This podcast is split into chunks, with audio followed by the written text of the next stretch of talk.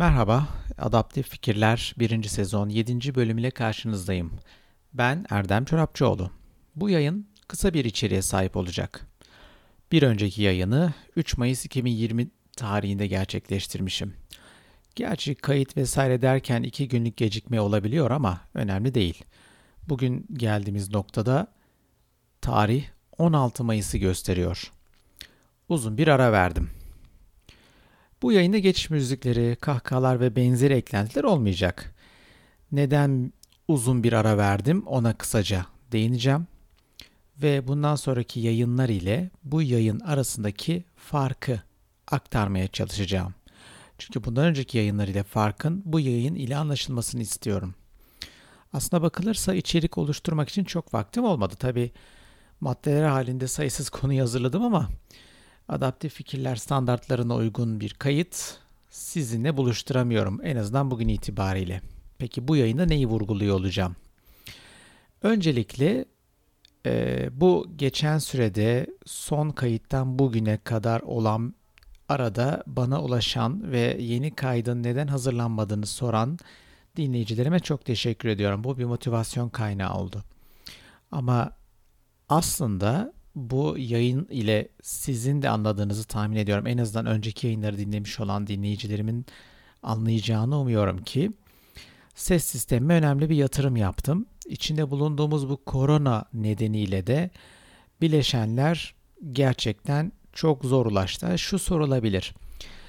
Bir korona sürecinde ve böyle karmaşık bir dönemde neden e, ürün alımına gittin, neden kargo süreçlerine dahil oldun vesaire.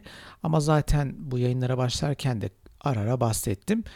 Amacım kaliteli içeriği sizinle buluşturmaktı ve aldığım yorumların birçoğunda ses kaydının e, beklenen düzeyde olmadığı, anlaşılabilir olmadığı ve benzeri e, iyileştirilmeye açık taraflar e, tespit ettim. Dolayısıyla e, uzun araştırmalar sonucunda biliyorsunuz uzun araştırmalar yapıyorum. E, şu an dinlediğiniz ses kaydını oluşturmama imkan verecek mikrofon, ses kartı ve benzeri ekipmanları temin etmiş durumdayım. Bundan sonra yatırımlara devam ediyor olacağım ama en azından e, ses kaydındaki kaliteyi arttırmaya olanak sağlayacak sistemleri temin etmiş oldum. Peki ne oldu bu arada? Neler oluyor ona bir hızlıca bakalım isterseniz. Onlardan da bahsedip yayını kısa keseceğimden e, ilk başta e, bahsetmiştim.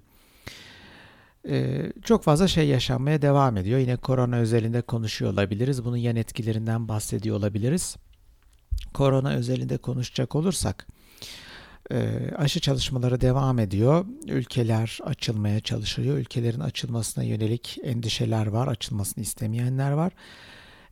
Açılmasını isteyenler artık sokak olayları da karışmaya başladı. Özellikle batılı ülkelerde büyük eylemler, silahlı kişilerin farklı devlet kurumlarına yaptığı baskınlar gibi çok enteresan haberlerle karşı karşıyayız.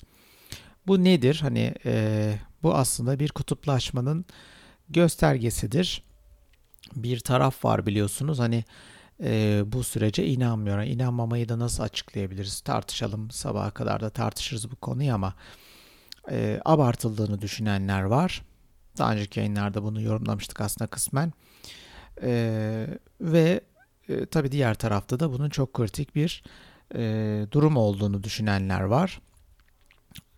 E, sokağa çıkan ve bu açılma sürecine destek olanları ayrıca incelediğimizde de şöyle bir boyut daha var tabii. Hani ekonomik olarak insanlar büyük sıkıntı yaşıyor. Ee, örnek Amerika Birleşik Devletleri'ne baktığımızda neredeyse 40 milyona yakın işsizlik başvurusu var. Yani hiç görülmemiş rakamlarla karşı karşıyayız. Ee, ülkelerde e, çok büyük ekonomik buhranlar bekleniyor. Birçok ülkenin e, yani %10'lara yakın küçülmesi bekleniyor. Yaz geldi. Tabi açılma gereksinimlerini tartışacak olursak hep diyorum uzun uzun konuşabiliriz ama kısa tutmaya e, çalışacağım yayını. Yaz geldi. E, özellikle turizm gelirlerinden yaz turizminden gelir elde eden ülkelerde e, bu açılma baskısı önemli olmaya başladı. Yunanistan bile hani ki Yunanistan biliyorsunuz bölgede önemli e, turizm geliri elde eden ülkelerden. Yunanistan bile yazın hani %50'lik yüksek doluluk oranını yakalayabilirsek mucize gibi açıklamalar yapıyor. E, dolayısıyla şimdi ikiye bölelim. Hani ekonomik olarak baktığımız zaman beklentiler çok fazla. Yine ekonomik olarak baktığımız zaman e, kayıp çok fazla. Şimdi beklentiyi karşılayamaz ama beklentiye destek olacak. En azından ekonomiyi toparlamaya imkan verecek. Turizm gibi alanlarda da eğer tren kaçırılırsa ekonomik buhranın çok daha büyük olabileceği söyleniyor. İkiye ayıralım demiştik. Bir tarafta bu hastalığın bu sürecin, bu pandeminin geçmesinin önemli olduğu, bu pandemi veya bu salgın süreci tamamlanmadan yapılacak aktivitelerin, yapılacak bir araya gelişlerin çok yıkıcı olabileceği vurgulanıyor. Bunu da tabii şöyle de destekleniyor. İşte İspanyol gribi örneklenerek yaz ayları sonrasında ikinci bir dalga, üçüncü bir dalga olursa eğer çok daha dramatik sonuçların olabileceği yani çok fazla ölüm, çok daha sert önlemlerin alınmasının gerekebileceği gibi hususlardan bahsediliyor.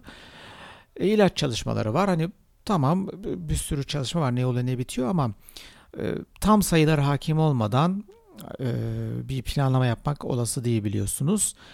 E, mevcut koşullara saplanıp kalmak yerine alternatif çalışma usullerini belirleyen e, benimseyen, alternatif çalışma unsurlarını belirleyen firmalarla bu e, yöntemleri benimseyen firmaların da bir adım öne çıktığı göz, görülüyor.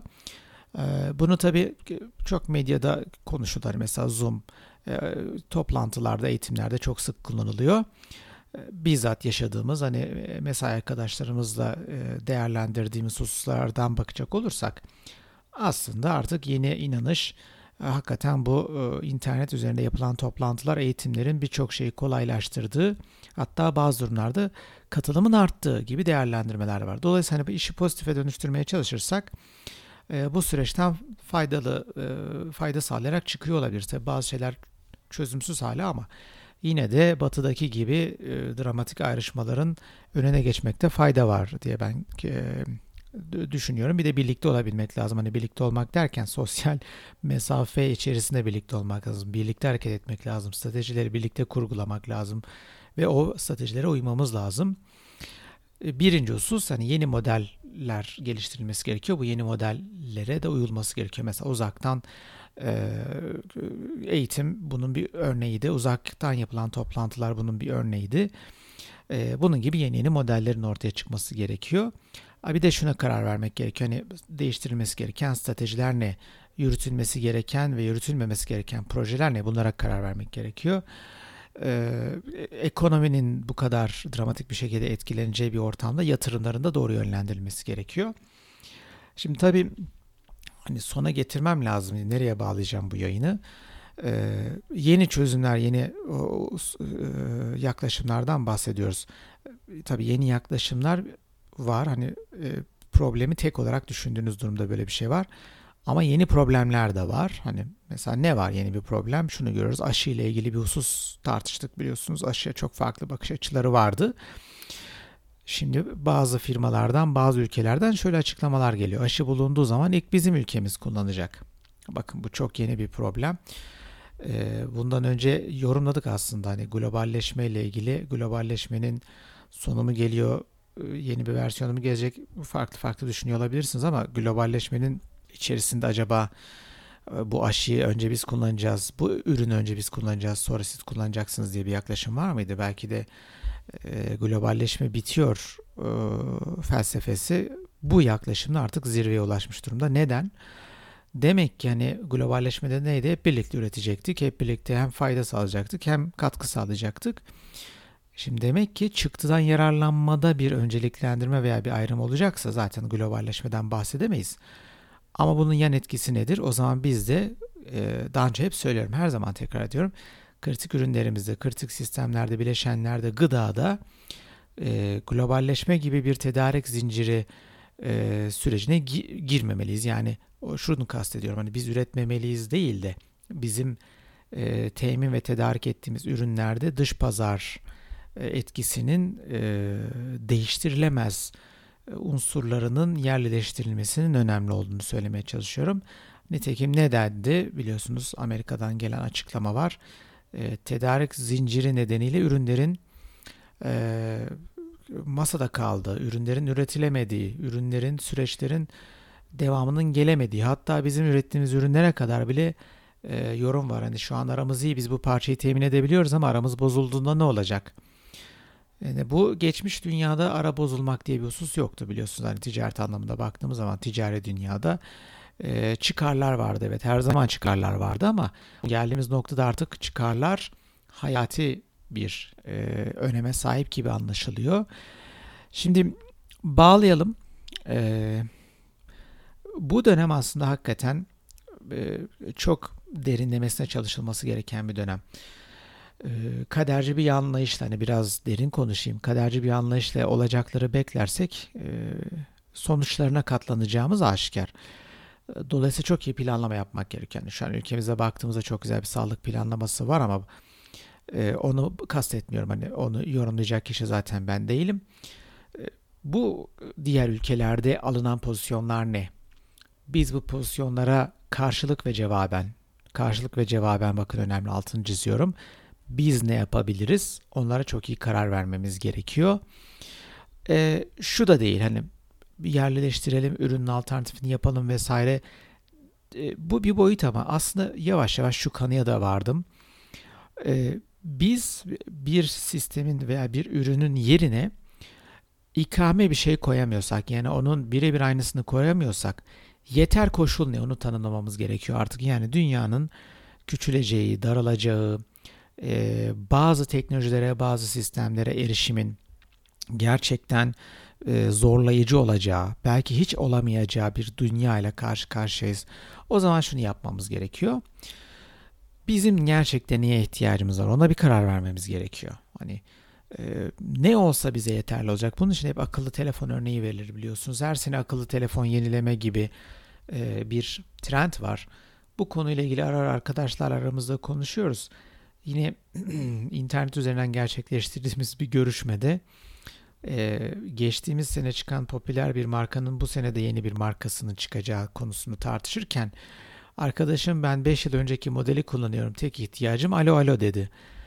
Biz gerçekten alo alo'nun ötesine geçmeyeceksek bu kadar hızlı bir trend ve bu kadar müsrif bir kaynak kullanımına gitmeli miyiz? Ya, telefon basit bir örnek ama bunun gibi çok fazla alan var.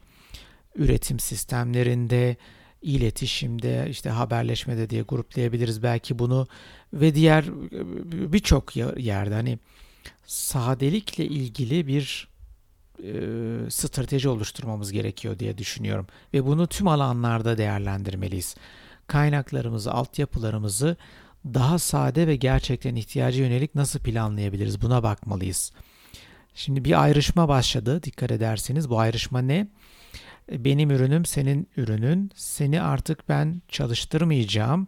Sendeki işi ben alacağım gibi e, sınırları fiziken bile kapatacak bir dünyaya gidiyoruz.